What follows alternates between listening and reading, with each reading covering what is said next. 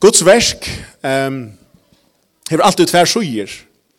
Um, ta god avgjera gjera eit kvørst, så er det alltid hendan er avkjønnelige sujan, her han rævor, her han er konger i allar æver, til er ta heilaja, ta reina, ta reina, og ta som ikkje er kjønnligt for menneskans eie. Man kunde engst at, at hei bare alt var kjønnligt for menneskans eie, men det er det ikke alt. Det Det er etter evige, det som god, vi får hon opprona lehe atla. Og det er ikke kjønnelig. Men ta så etter verset, ta så god ut inner det som man nå har atla. Så kommer det fyrir til seitene eisene inn i okkara heim. Ta bryter lukkos med jøkkenen, hentan i muren i middelen til kjønnelige og åkjønnelige. Og brottla verda fyrir mennesker, nekka kjønnelig. Og de som har finnes trunna planta i hjertet fra gode, de er førfri faktisk å suttje, her som det standa ut og tøymelige, å suttje inn og ut til andalig, inn og ut til evig. Det er noe som tryggven, til er leidjen til trunne, så gode planta og jokkar gjørst. Til å kunne suttje inn og i til evig. Samstånd som vi standa ut i tøymelige, ut i skrøpelige, ut i åretvisa, og i stressen noen her på under jól, og i resen hon, under avvarskanen i av ödlen, sin marsnaføringen av ödlen vøren, vi kunne kjeipa i muskundokon, vi kunne kjeipa og ruik, så nu er det avslåtter, og vi pluss kjeipa betala renter eller avdre, vi får det avkjeipes. Nastan. Vi ber på i februar, sier en løsning. Med tid, det var et hattar, et hattar punkt i himmelen om. Og ta i hugg om hattar punkt oppi hattene, tar det rævlig høyt. Det var et hattar punkt, tja god. Jólene var ikke bare en hending for seg. Jólene var ikke bare noe som god, å, skal vi få gjerne hun har løtt for det menneskene jeg gjør. Skal vi få gjerne åkken til kunne hun har om, sam, samlast om, heva det godt om. Jólene var en lior og en lenkar kjett. Og i åra tusinder så var jólene planlagt til å være noe som skulle hente til avsetta tog. Vi som mennesker, vi som bare lever kanskje en fjers fors, hundre år, til lengt liv, vi vi do oss anmyndelig ofte til å sette oss inn i disse lengt og tøyerlinjene, disse reie linjene oppe i kjøkken skriftene, disse lengt og tøyerlinjene kjøkken god. Hette hattar punkt. Første Mosebok 3.6 sier, Kvinnan sa nu at treet var godt at ete av, at det var egen noen av listor, og at det var tre som en måtte innskjøs her, at få vite av. Hon tok ta av frukten og åt av. Hon gav oss den mannen sønnen, og han åt. Ta våre egene og bavon lette opp. Og det rakte vi at det var nært. De sier meg at vi fikk og bli sammen, og bunte oppfyr seg. Sintafallet tid var en verleik. Hetta reina, hetta eviga, det som god er atla skulle bæra vera til ena sujan, var no bliven til tvær suj. Ein skilnaur var komin i middel. Det som avspekla i god, var færdig avsporen. Størsta, nærmast, henting som var hent, at han har skapan av. Det var færdig en annan ratning, myskor, deie, åratvise, var kom inn. Og hese støven hei god tvær møleker. Tvinnar møleker. Anten, så gav han opp og miste alt. Etla kom til han djeva alt og vinna skapningen natt. Er det ikke, er det ikke glad i det for at god valgte at han sagt noe løsene? Han kom til valgte for å løsne og sagt, veis hva at hatt av at Ore wa, revoir, hatt av frangst, en rønt, farvel. Hatt av min rønt, nå kommer du sikla til ekna sjekv. Og i kjønnelige, ut i tøymelige, så er det ut som god har valgt hans av løsningene. Det er så ikke ut som god har valgt det løsnene det han skulle gjøre nek. Det tøyene gjenko, at alene kom og, og fåre, og det er så ikke ut til at god ville gjøre nek for bjerga, sunn og skapning, sunn og skaparvik. Men, så gjør han hender nek. God kattler mannen Abraham, og han bløyver til Israels folk. Og i middelnes uisesfølgene var mennesker kallet til å være profeter, til å tale Guds år. Og hese menneskene så fra det tøymelige, fra det skrøpelige, inn i det evige. De hadde den forleggen som vi har i det, som er tryggvinneisene. De kunne suttje inn i det evige. De kunne suttje som små og glimt om hva var det som får å komme. Og de så inn i fremtiden om det som skulle komme. Det var noe nytt som skulle komme. Det var nekka som god hei hitt jo, at gjer. Tog i narskaist. Det var som at man hei vestjer. Og man visste at det skulle være nekka størst. Og løy nok, så skulle dette eisne inkludere, det skulle øyrokna heitningarna. Heitningarna. Som ikkje høtt å særligast det høgt vire og meting og egen og gjød. Det var så løye, tja, de hugsa, at her skulle det være vi. Men når skulle det henta? Og hver skulle dette henta? Guds fortjente Satan, han visste at nekka var ombøn. Han la ikke å lete søyen. Andaheimer var aktivur som omgang til fyrr. Satan og hans rally hadde frendre av nekka skulle henta, så nu var tuttningar mykje a seta harste måte, at Guds sikning skulle komme til mannat. Ønskaperen, øtten, hetre, måtte halte av fram Hver skulle man finne henta frelsaren? Satan sendte ut sina fallen og englar til å finne det av hva hette omtre skulle henta.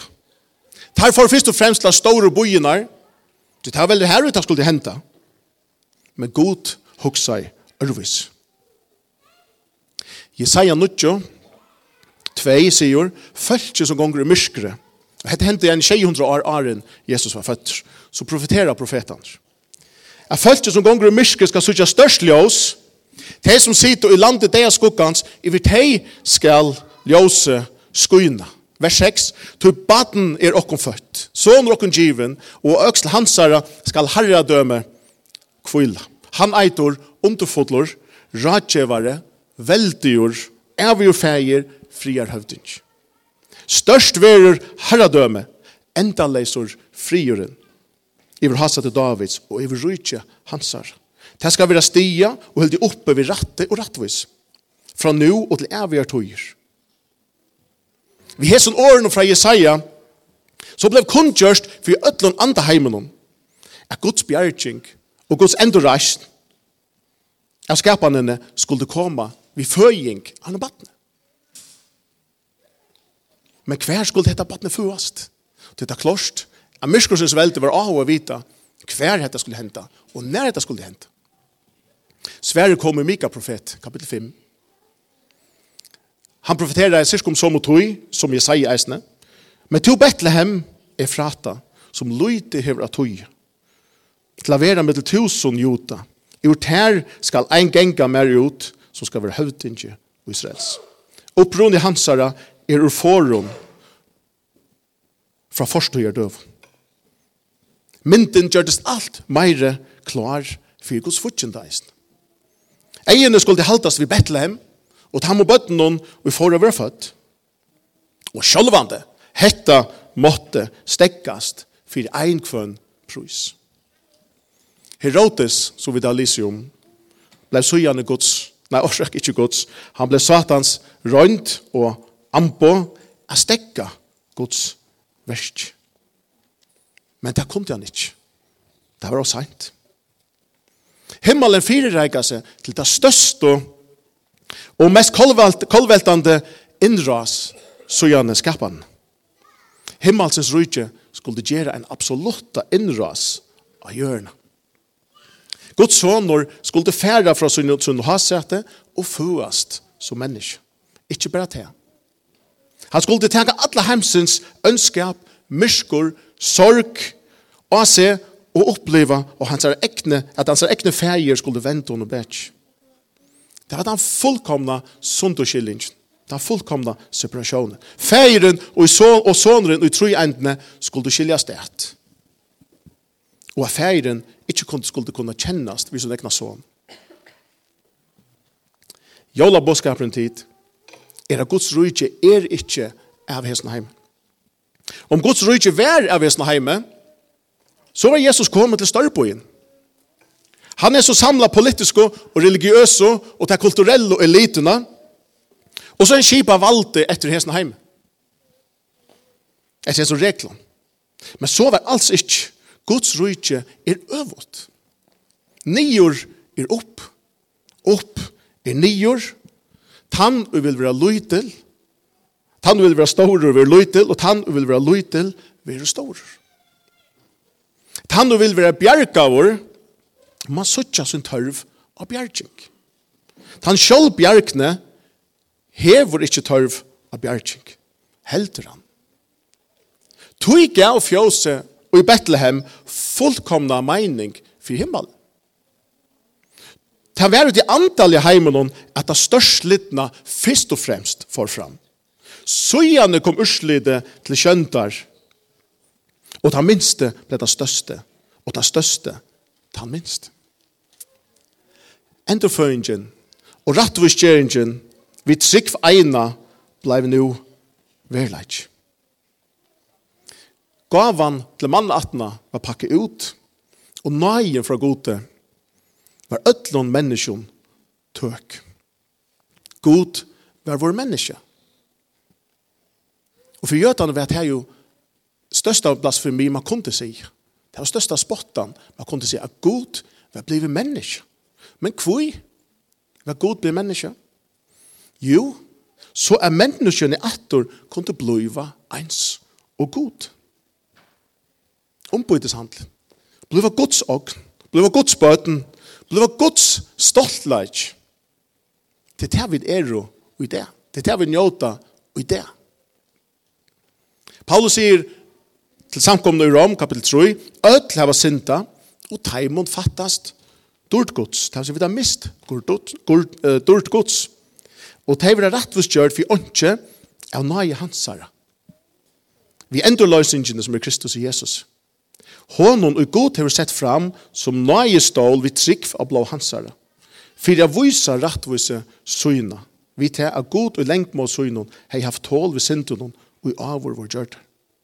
For jeg viser um, syna, for jeg viser rettvise syna i tøyene som nå er. Så les kunne han være rettviser, og rettviser at han som hever trygg av Jesus.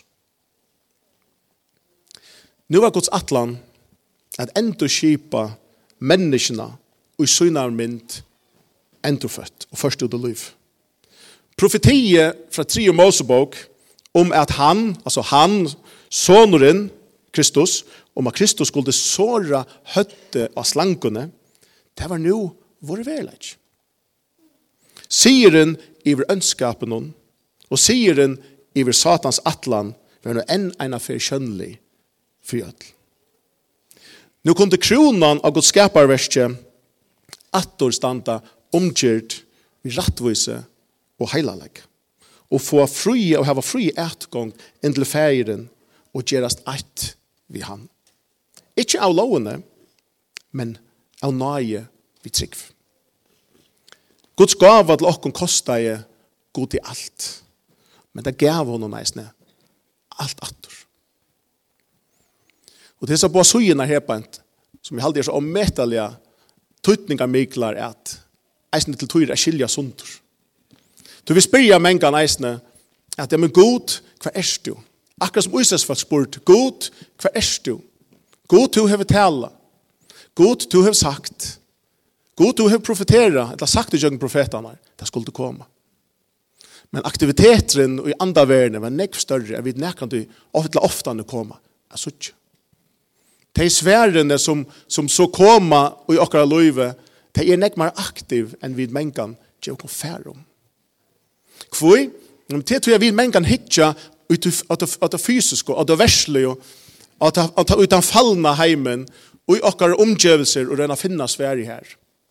Men tid evangeliet, Guds hjärta lä, Guds frelses atlan, hover given okkom, vi oppenbering. Tog er det så omyndelig at tøytninga mig er vi oppmuntrar kvann annan, støvot, attor og attor. Hva var det god atlai? Hva var det god gjørte? samstående som verleidje råpar til okkon og røyna fortelje okkon nekka anna. Det var utan iva menneske gjøtar som fotlo fra i trunni underveis medan det boi av. Medan profetene stod og røpte ut fra hedjonon av frelsaren for å komme. Så var det nekker som sa at det var skvært. Ja, ja, vi da boi av nu, sånn ek atterlig. Men tid nu lever vi etter kross. Vi lever ut høyene av evangelien. Vi lever i nøye tøyene. Kristus er kommet. Vi er ført atter som bøtt til honom. Vi er rattvist gjørt, sett inn i Kristus Jesus som hansara ogn, som hansara bøtten. Og på samme måte som han nu strust oppe i jøkken søvende, og måte ønskapen og måte satane, så stendte det at til ånke som kan ruve okkon ur hans hånd. Ånke hesten heime, eller du koma, ånke som livor, eller fra deia kan røyve okkon ut av Guds hånd. Så det er okkar alit, det er okkar av ån, at Kristus er kommet, han er ena for fjallar, vunnet i vesintene. Alt ting er ikke sett på plass enn, ta verda, ta fria rujtje kjemur. Og til okkar av ån, som vi djeva til hver annan, ta vi sier Maranata, at Herren kjemur, han kjemur attur. Vi minna hver annan nata, så imisk vi der, så imisk større vi det heva, Her i samfunnet vi der, minna hver annan at at han kommer atter. Han er och av vågen. Det er sett allt av han.